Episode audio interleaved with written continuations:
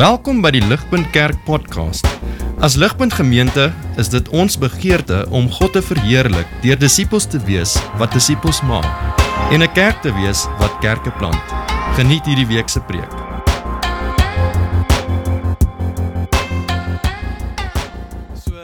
Maandag aand ehm um, het die wêreld 'n baie baie interessante episode beleef waar ehm um, Facebook ehm um, ons kan sê gekrash het. En so vir die wat nie weet wat gebeur het nie, ehm um, die New York Times skryf daar behoort op te kom dat Facebook and its family of apps including Instagram and WhatsApp were inaccessible for hours on Monday. Taking out a vital communications platform used by billions and showcasing just how in easy word dependent the world has become on a company that is under intense scrutiny. So 3.5 biljoen mense oor die wêreld, so helfte van die populasie, gebruik een van hierdie drie apps. En ek dink vir meeste wat hier volgens sit, is dit WhatsApp. Um ek's nie bekend met hoeveel van die ouer mense Instagram of Facebook gebruik nie, maar in daai oomblik, um wat WhatsApp gebreek het, dink ek as ons almal eerlik was, um het ons net so klein bietjie frustreerd geraak toe my WhatsApp boodskap nie wou deurgaan nie en daai blokkie nie 'n regmerkie wou maak nie. En um, ons was ook frustreerd dat dat ek nie boodskappe kan ontvang nie. Want as ons moet eerlik wees, is ons regtig afhanklik van dit en ons word eintlik gevoed deur hierdie boodskappe. Maar wat vir my baie erger was, was dat in daai tyd, in daai paar uur wat WhatsApp nie gewerk het nie en Facebook en Instagram nie gewerk nie, het miljoene mense Twitter afgelaai as 'n plaasvervanging vir Instagram en Facebook. Mense kan letterlik nie 'n uur gaan sonder die dopamien van sosiale media nie. So ek dink ons het vinnig besef dat ons word uierliks gevoed, maar ook gevorm deur die media. Ons verslawing aan hierdie dinge gee vir ons ander lense waardeur ons na die wêreld kyk en die wêreld betree. So, so hier's my vraag vanoggend. Is ons so afhanklik van Jesus soos ons WhatsApp boodskappe dat ons gevoed en gevorm word deur hom eerder as die wêreld se voedingsstowwe? Ek sal weer sê, is ons so afhanklik van Jesus soos ons WhatsApp boodskappe dat ons gevoed maar ook gevorm word deur hom eerder as die wêreld se voedingsstowwe? So die ongelooflike stelling waarna ons vanoggend kyk is truly truly I say to you unless you eat the flesh of the son of man and drink his blood you have no life in you. So om hierdie skokkende stelling te verstaan en die vraag te antwoord of ek wel besig is om te eet van Jesus en sy bloed te drink eerder as om die wêreldse voedingsstowwe in te neem, gaan ons kyk na drie vrae. Eerstens, wat beteken dit as Jesus sê ek moet hom eet en drink want dit is redelik radikaal. Tweedens, hoekom is dit nodig? Hoekom is dit nodig dat ek moet eet en drink van Jesus? En dan derdens wel, hoe doen ek dit? hoe eet en drink ek van Jesus. En so voor ons by die vraag uitkom, wil ek net vir ons bietjie konteks gee van hoe Jesus uitgekom het by hierdie radikale stelling wat hy gemaak het. So, die dag voordat hierdie Jesus gesê het, ehm um, het hy 5000 mense gevoed met met 'n paar broodjies en 'n paar visse. Ek dink ons almal ken die storie. En toe daardie aand het hy letterlik so kilometers geloop oor die see van Galilea om op te vang met die disippels in 'n boot. So, die massas mense het gesien dat Jesus sy disippels weg hier in die enigste boot wat beskikbaar was. So die volgende dag, toe hulle Jesus in Kapernaum kry, toe weet hulle dat Jesus kon net daar kom deur middel van 'n wonderwerk. Dit was geen ander manier nie. Niemand loop oor die see van Galilea nie. So, verstaanbaar wou hulle Jesus koning maak, want hy doen wonderwerke, hy loop oor die water en hy gee vir my kos. So, toe kom Jesus en hy vernietig hulle plannetjies. En hy sê aan sy geliefde ondersteuners die volgende Johannes 6 vers 26 en 27 behoort op te kom. Truly truly I say to you, you are seeking me not because you saw signs, but because you ate your fill of the loaves. Do not work for the food that perishes, but for the food that endures to eternal life, which the Son of Man will give to you. For on him God the Father has set his seal. So baie verward, Verstaanbaar? Vra die mense vir Jesus, hoe kan hulle werk om God te please? Waarop Jesus antwoord in vers 29, "This is the work of God that you believe in him who he has sent." Sien ons moet sien dat Jesus was 'n held gewees vir die skare, want hy het vir hulle kos gegee. Hoekom anders sal ons hom wil hê? Maar Jesus het iets baie verkeerd raak gesien in hulle entoesiasme. Die mense wou eenvoudig net meer brood van die hemel gehad het om hulle fisies versadig te maak. Maar dis hier. Dis hier wat ons al moet sien dat om die seëninge van Jesus en die goeie dinge wat hy gee te wil hê is nie dieselfde ding as om te glo in hom nie. Inderdaad, Jesus het gekom om hulle brood van die hemel te gee, maar nie die tipe brood wat hulle in gedagte gehad het nie. Sommige hulle te toets. Begin hierse stellings maak wat wel, kom ons wees eerlik, baie baie vreemd is. Um so ek wil hê picture hierdie. Picture Jesus staan voor jou en hy sê vir jou die volgende. Ek Jesus is self die ware brood van die hemel wat lewe gee aan die wêreld. En wie ook al hierdie brood sal eet, sal lewe vir ewig. En dan vers 51 sê and the bread that I will give for the life of the world is my flesh. Nou ek is nie 'n Bybelkundige nie, in feite ek is nie eers 'n teoloog nie, maar ek dink dit het in daardie tyd dieselfde geklink as wat dit nou ons klink dat hierdie kannibalisme is. Hierdie man wil hê ek moet sy vlees eet en sy bloed drink. So hierdie was 'n ongelooflike skokkende stelling op die mens gewees. En die massas was verskriklik verward, meer as ooit. En dan dan begin Jesus nie dink, "Jesus, ek het iets gesê wat ek nie moes sê en ek gaan soos dit terugtrek en ek gaan iets anders sê nie." Nee nee nee, hy hou aan. En hy sê, "Truly, truly I say to you, unless you eat the flesh of the Son of Man and drink his blood, you have no life in you. Whoever feeds on my flesh and drinks my blood has no life, and I will raise him up on the last day. For my flesh is true food and my blood is true drink." So ek dink, dink hier het die Jesus vir koning kampanje wat hulle wou gehad het redelik vinnig verdwyn. Mense het weggeloop, hulle het hul koppe geskud en eerlikwaar dink ek ons sou dieselfde doen. Sien hierdie mal mens wil hy ek moet sy vlees eet en sy bloed drink. Maar ek dink ons weet, soos baie dinge wat Jesus sê, is daar 'n baie dieper betekenis hier aan die stelling. Maar daar's ook 'n dieper rede hoekom die mense weggeloop het. So, wat het dit beteken? Wat dit beteken as hy sê eet my vlees en drink my bloed. Hoef hulle op te kom, maar hier's 'n paar clues in Johannes 6 wat vir ons wys wat Jesus bedoel het en en ek wil aanmoedig as jy nog nie 'n Bybel naby het nie, kry hom nou weer vinnig en nou die blaadjie by jou, um, want ek gaan vele male na Johannes 6 verwys. Hier kom dit op, hier's die clues. Eerstens, hoe werk jy vir die kos wat ewige lewe bewerkstellig? Glo in my. I am the bread of life. Whoever comes to me in geloof shall not hunger, and whoever believes in me shall never thirst. Johannes 6 vers 35. For this is the will of my Father, that everyone who looks on the Son and believes in him should have eternal life, and I will raise him up on the last day. Johannes 6 vers 40. Truly, truly I say to you, whoever believes has eternal life. Johannes 6 vers 47. So, ek dink is redelik liggend vir Jesus is eet en drink om te glo en geloof te hê. Eating is believing. Drinking is believing. Hy beloof lewe en ewige lewe tot die wat glo in hom. Glo in wat presies? Wel glo dat sy dood, die breek en skeur van sy liggaam en die vloei van sy bloed betaal die flipprys vir jou en my sonde en dat sy perfekte geregtigheid vrylik en verniet gegee is aan ons in ruil vir ons ongeregtigheid. Om te glo in hierdie is hoe ons eet van Jesus se vlees en drink van sy bloed. En dit is hoekom Jesus saam met die sakrament van die doop wat ons nou gesien het, die sakrament van die nagmaal ingestel het. Hy wil nie hê ons moet vergeet wat die sentrale ding is waarin ons glo nie. Jesus wil hê ons moet onthou, onthou dat sy liggaam gebreek het vir my en sy bloed gevloei het vir my sodat ek kan lewe ontvang. Maar meer belangrik as dit, ligpunt, Jesus wil hê ons moet sien dat om te glo is nie 'n ligtelike ding nie. Jesus maak dit baie duidelik dat om te glo in hom is radikaal en dis hoekom hy hierdie radikale stelling maak dat ons moet eet en drink van hom. Want om te eet en drink, soos ons almal weet, is iets wat gereeld en konstant gebeur. sien die mense het weggeloop.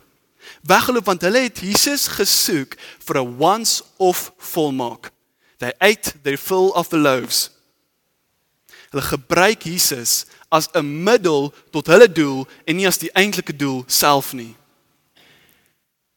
Dit is uiters belangrik vanoggend om te sien dat Johannes hier deur Jesus se woorde geloof herdefinieer.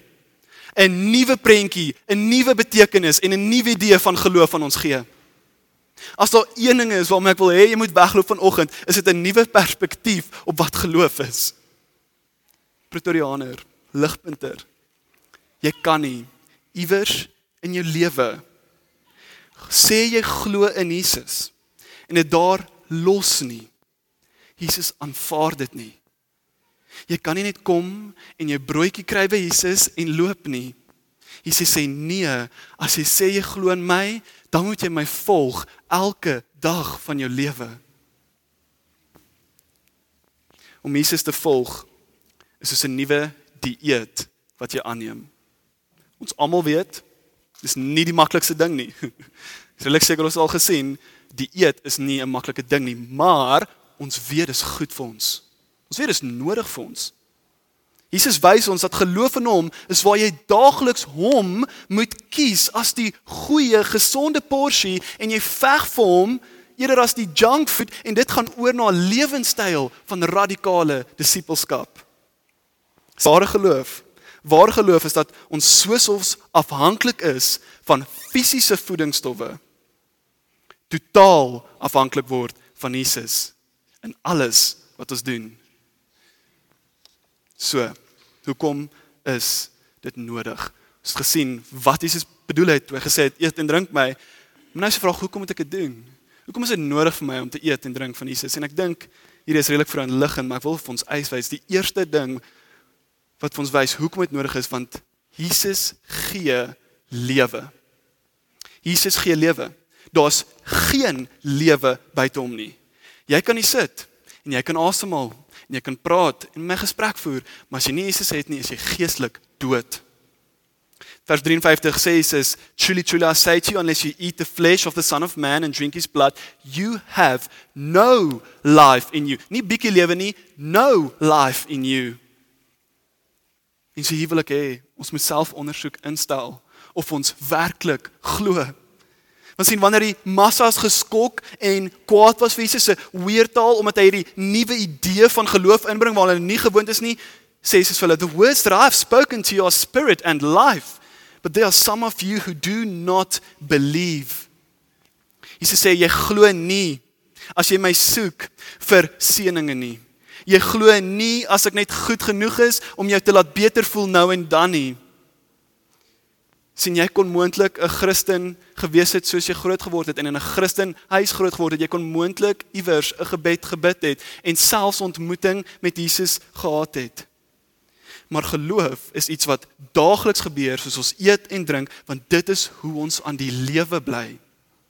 So die vraag vanoggend is is nie het jy iewers geglo in Jesus nie?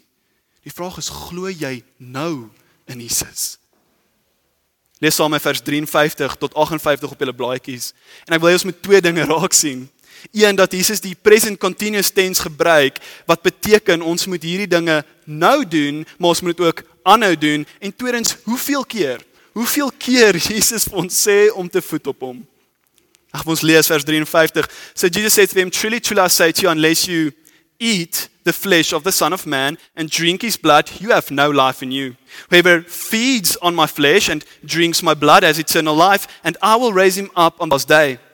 For my flesh is true food, and my blood is true drink. Whoever feeds on my flesh and drinks my blood abides in me, and I in him. As the living Father sent me, and I live because of the Father, so whoever feeds on me, he will also live because of me. This is the bread that came down from heaven, not like the bread the fathers ate and died. Whoever feeds on this bread will live forever. 5 keer. 5 keer sê Jesus, eet my en drink my. En die rede hoekom ek glo Jesus het so herhaal en van hom self praat en in terme van voedingsstof is omdat hy wil hê ons moet sien hierdie is goed en nodig vir ons. Dit gee lewe. Net soos ek 'n broodjie eet en water drink, want ek weet dit is goed vir my liggaam en dit hou my aan die lewe en dit is gesond vir my en ek het geloof in daai kos en water so sê Jesus kom eet en drink my en glo dat ek is goed vir jou en ek is nodig vir jou en jou stelsel het my nodig om te funksioneer jy het my nodig om geestelik te lewe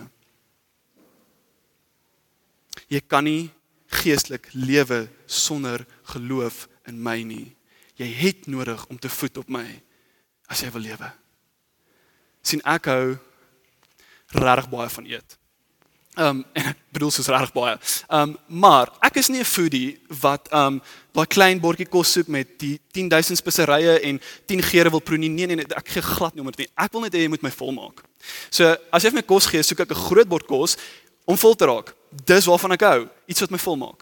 En so as ek een van my liewer sê hoeveel eet 'n dag mis nie, ehm um, dan wel raak ek net so bietjie nie myself nie. Ehm um, so ek raak bietjie meerig, ek raak bietjie kwaad en so bietjie geïrriteerd en so ek dink van ons hier is bekend met die woord hangry. Ehm um, as dit 'n millennial woord is, sal ek verduidelik. Hungry plus angry gee ons hangry. Ehm um, en ons gebruik hierdie woord dat wanneer ons nie eet nie, gebruik ons verskoning om te sê luister, ek's hungry, ek kan kwaad wees, ek kan meerig wees, ek moet eet. Ehm um, nou hierdie is wat gebeur wanneer ons een ete mis. Ehm um, so imagine wat gebeur wanneer ek 3 etes mis of wanneer ek 2 dae se kos mis of 'n week. Ek dink ons almal stem saam, na 'n week wat ek nie eet nie, sal ek doodgaan. Soort gelyk sê Jesus. As jy sê jy glo in my, moet jy voet op my dag en nag. Jy kan nie eete van my mis nie. Jy gaan minder en minder jouself wees. Jy kan nie verwag om jouself te wees as jy nie voet op my nie. En Jesus nou is uit en sê sien dat geloof is 'n herhaaldelike ding. Jy moet konstant en herhaaldelik eet van my anders sal jy geestelik doodgaan. Dis die eerste rede hoekom ons voet op Jesus want hy gee lewe. Die tweede rede hoekom dit nodig is om te voet op Jesus want ons ontvang ook die ewige lewe. So nie net kry ons lewe by Jesus nou hier nie, maar ons word ook beloof dat ons vir ewig sal lewe en hy ons vir ewig sal volmaak.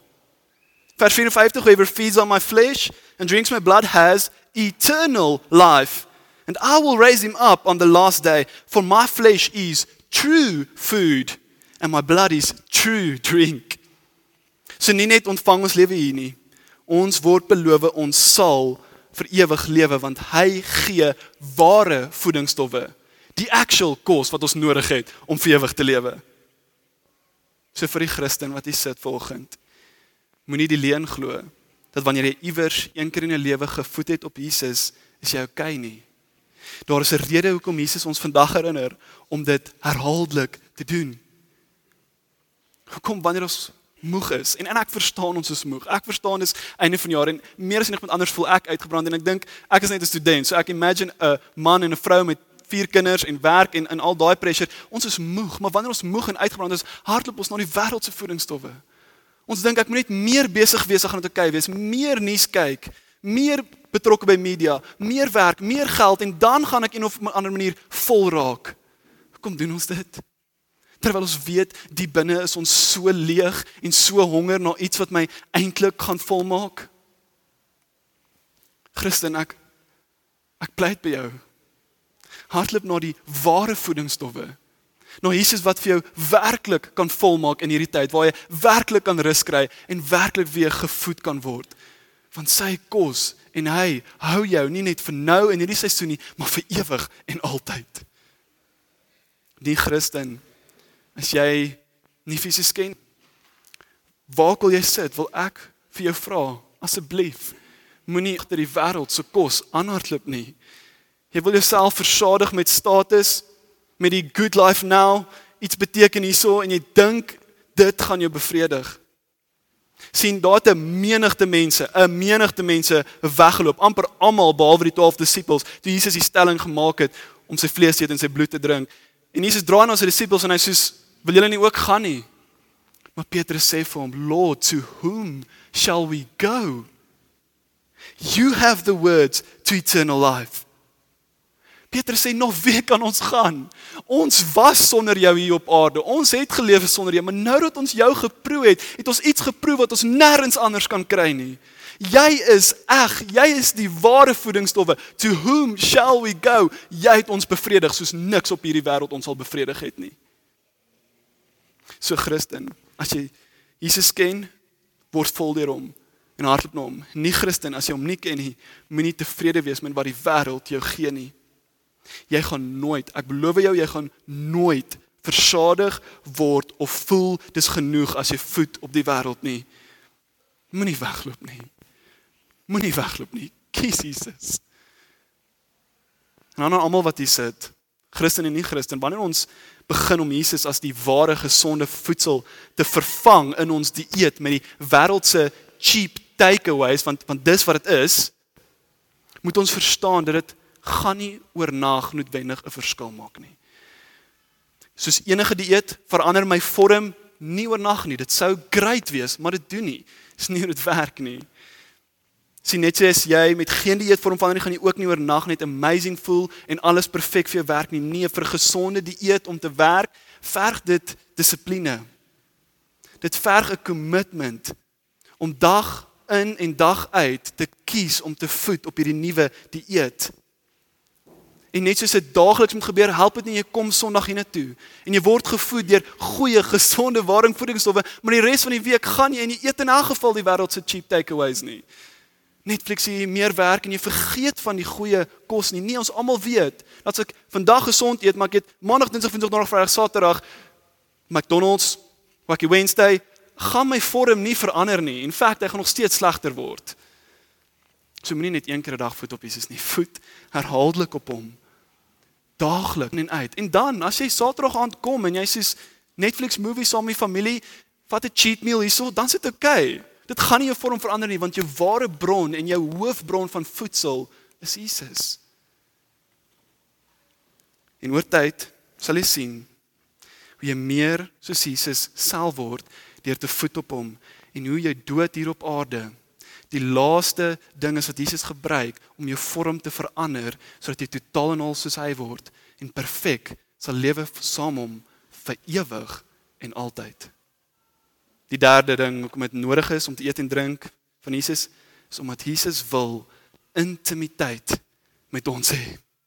Hy sê vers 56: Whoever feeds on my flesh and drinks my blood abides in me and I in him kom sien vanoggend vriende dat Jesus soek diep diep intimiteit met jou.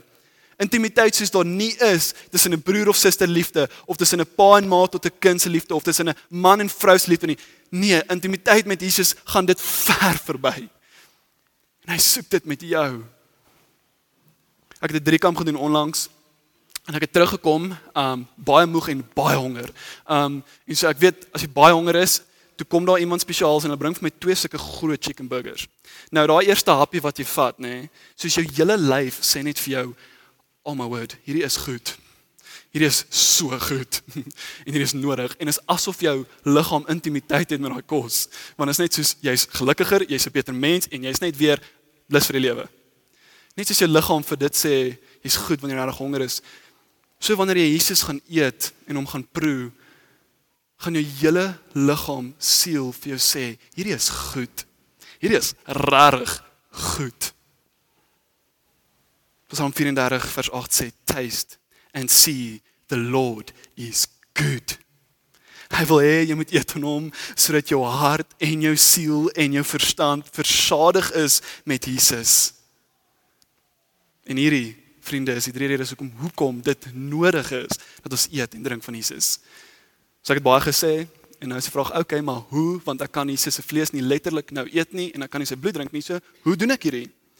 Okay, so die eerste ding wat ek vir ons wil aanmoedig is hardloop. Hardloop na die kruis. Hard na die kruis en mediteer op hierdie in jou gedagtes, in jou woorde, in jou gebede, in jou gesprekke, hoe ook al hardloop na die kruis. Vanoggend wil ek jou aanspoor dat Jesus se liggaam het gebreek vir jou sodat jy lewe kan ontvang. Hy het sy liggaam het gebreek in jou plek. Die lewe geleef wat jy nooit kon leef nie. En toe dood gegaan in jou plek en sy bloed het gevloei sodat jy volle vergifnis van sonde kan kry. En ons het nodig om te kou aan hierdie, te mediteer op hierdie en dan dit in te neem en te sluk dat dit sin maak en ons dit verstaan en begryp. Dis hoekom nagmaal so belangrik is. Dat ons prakties kan sien hoe ons Jesus inneem en verstaan wat dit beteken as fisiese elemente daar dat ons moet voed op Jesus en drink van hom maar nie net hier nie elke dag in ons lewe. So hardloop na die kruis as eerste ding hoe jy voed op Jesus. Weet dat dit al wat daar gebeur het verander alles in jou lewe. Die tweede ding of manier hoe ons voed op Jesus is dit 'n hardloop na die woord en in te duik. Vers 68 sê Petrus Lord you have the words of eternal life. Jesus jou woorde opgeskryf in hierdie boek is die woorde wat vir ons ewige lewe gee. Dit voed ons. Ek wil hê julle moet saam lees Deuteronomium 8. Waar Moses praat aan die volk en hy sê vir hulle die volgende in die woestyn And you shall remember the whole way that the Lord your God has led you these 40 years in the wilderness, that he might humble you, testing you to know what was in your heart, whether you would keep his commandments or not. And he humbled you and let you hunger and fed you with manna, which you did not know, nor did your fathers know, that he might make you know that man does not live by bread alone but man lives by every word that comes from the mouth of the Lord.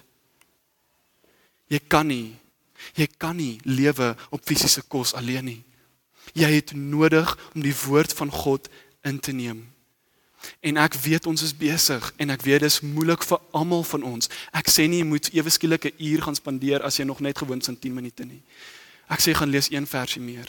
Ek sê gaan probeer iewers in jou dag by hom uitkom. Maak nie saak hoe kort of hoe vinnig dit is nie.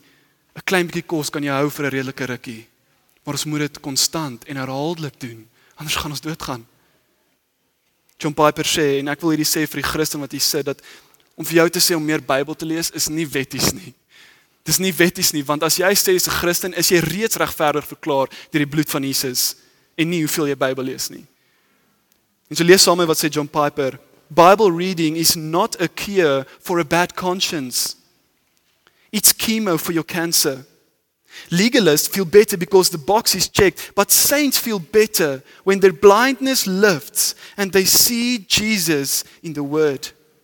Let's get real. We are desperately sick with worldliness, and only the Holy Spirit, by the Word of God, can cure this terminal disease. See, legalists trudge with their Bibles on the path toward justification. En hier is die mooiste woorde wat ek die week gelees het. Since saints sit down in the shade of the cross and they plead for the blood bought pleasures. Dan in die nie-Christen. Ek vir jou sê dat om Bybel te lees gaan jou nie red nie. jy word gered deur wat Jesus gedoen het aan die kruis. Maar ek glo die woord is lewendig en dat jy sal Jesus ontmoet in hierdie woord. So jy kan ook induik en gaan sien vir jouself wie Jesus is. Bybel lees en gebed met God wys nie oor na resultate nie. Ons weet dit. Net soos geen dieet doen nie.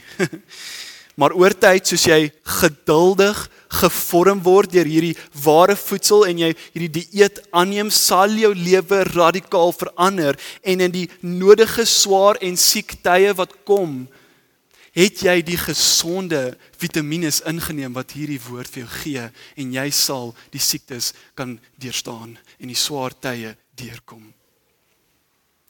Die laaste manier ons voet op Jesus is deur gemeenskap. En ek weet ons nog baie maar ek het net aan hierdie drie gedink. As ons as kerk die liggaam is van Christus en dan bymekaar kom, is ons sodoende besig om te voet op Jesus. Sien lig, ons moet sien dat ek kan vir iets sê en wie ook al hier preek voor kan vir iets sê met Jesus se woorde en jy voel daarmee, maar dit sak dalk net nie in nie. Jy kan dit net nie sluk nie. Maar iemand in jou gesinsgroep of selfs die DNA groep kan sê ek ek kan dit vir 'n bietjie fyner sny, kleiner porsies sodat dit sin maak vir jou en jy kan inneem en jy ook kan voed daarop.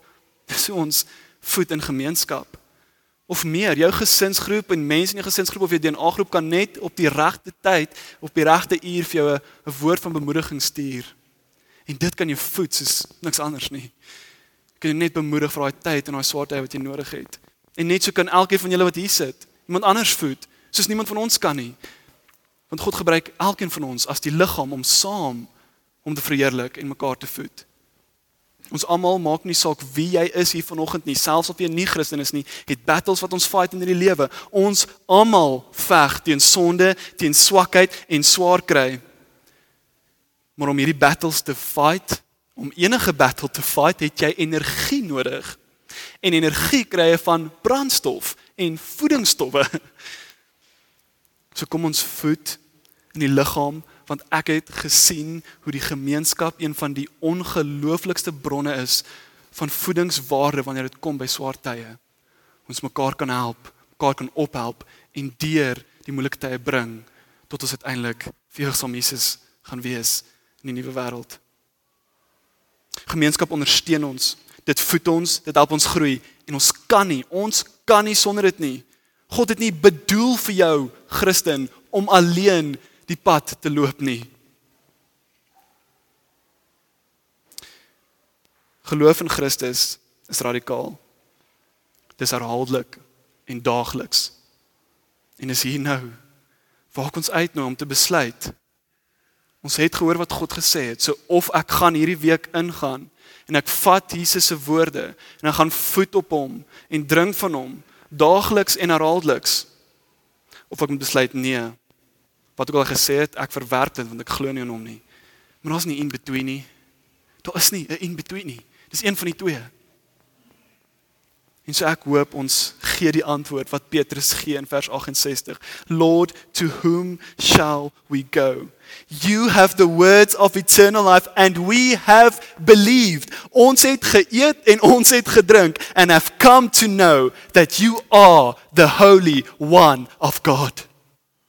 Petrus het verstaan daar is geen soos in geen ander voedingsstowwe wat kan lewe gee buiten Jesus nie. En hy het gesnap dat as hy nie 'n lunatiek is nie, wel, dan is hy werklik die seun van God. En ek moet kniel voor hom en luister na hom en daarom ook herhaaldelik eet van sy vlees en drink van sy bloed as ek wil lewe hê. Dit is geloof. Kom ek bid vir ons. Almagtige God en Hemelvader, dankie dat ons vanoggend na U woord kan kyk. Dankie dat ons kan herinner word, Here, dat om te glo en geloof te is nie 'n once-off ding nie. Dis nie iets wat ons net een keer in die week doen Here. Dis iets wat ons herhaaldelik en konstant moet doen. Ons moet herhaaldelik en konstant voet op wie U is en inneem wie U is. En Here, ek bid vir elke persoon wat hier sit, Here, dat ons nie hier sal wegloop sonder om hierdie waarhede te gaan toepas in ons lewe nie. Sonder om net te sê ek het 'n goeie preek gehoor en ek gaan uitloop en niks daarmee doen, Here. Maar sal vat dat ons het nodig om te voet op U as ons wil lewe. So Here, kom werk in ons harte. Kom werk in elke persoon hier en stuur die Gees om ons te bekragtig om U woord te kan vat en te kan uitleef. Dankie vir wie U is. Dankie dat U seën gestuur het dat ons weet U is genadig teenoor ons, maak saak hoe ons sukkel nie en hoe ons veg teen hierdie nie. U is genadig en U sal ons deur dit help. Ek bid hierdie dinge in Jesus se naam. Amen.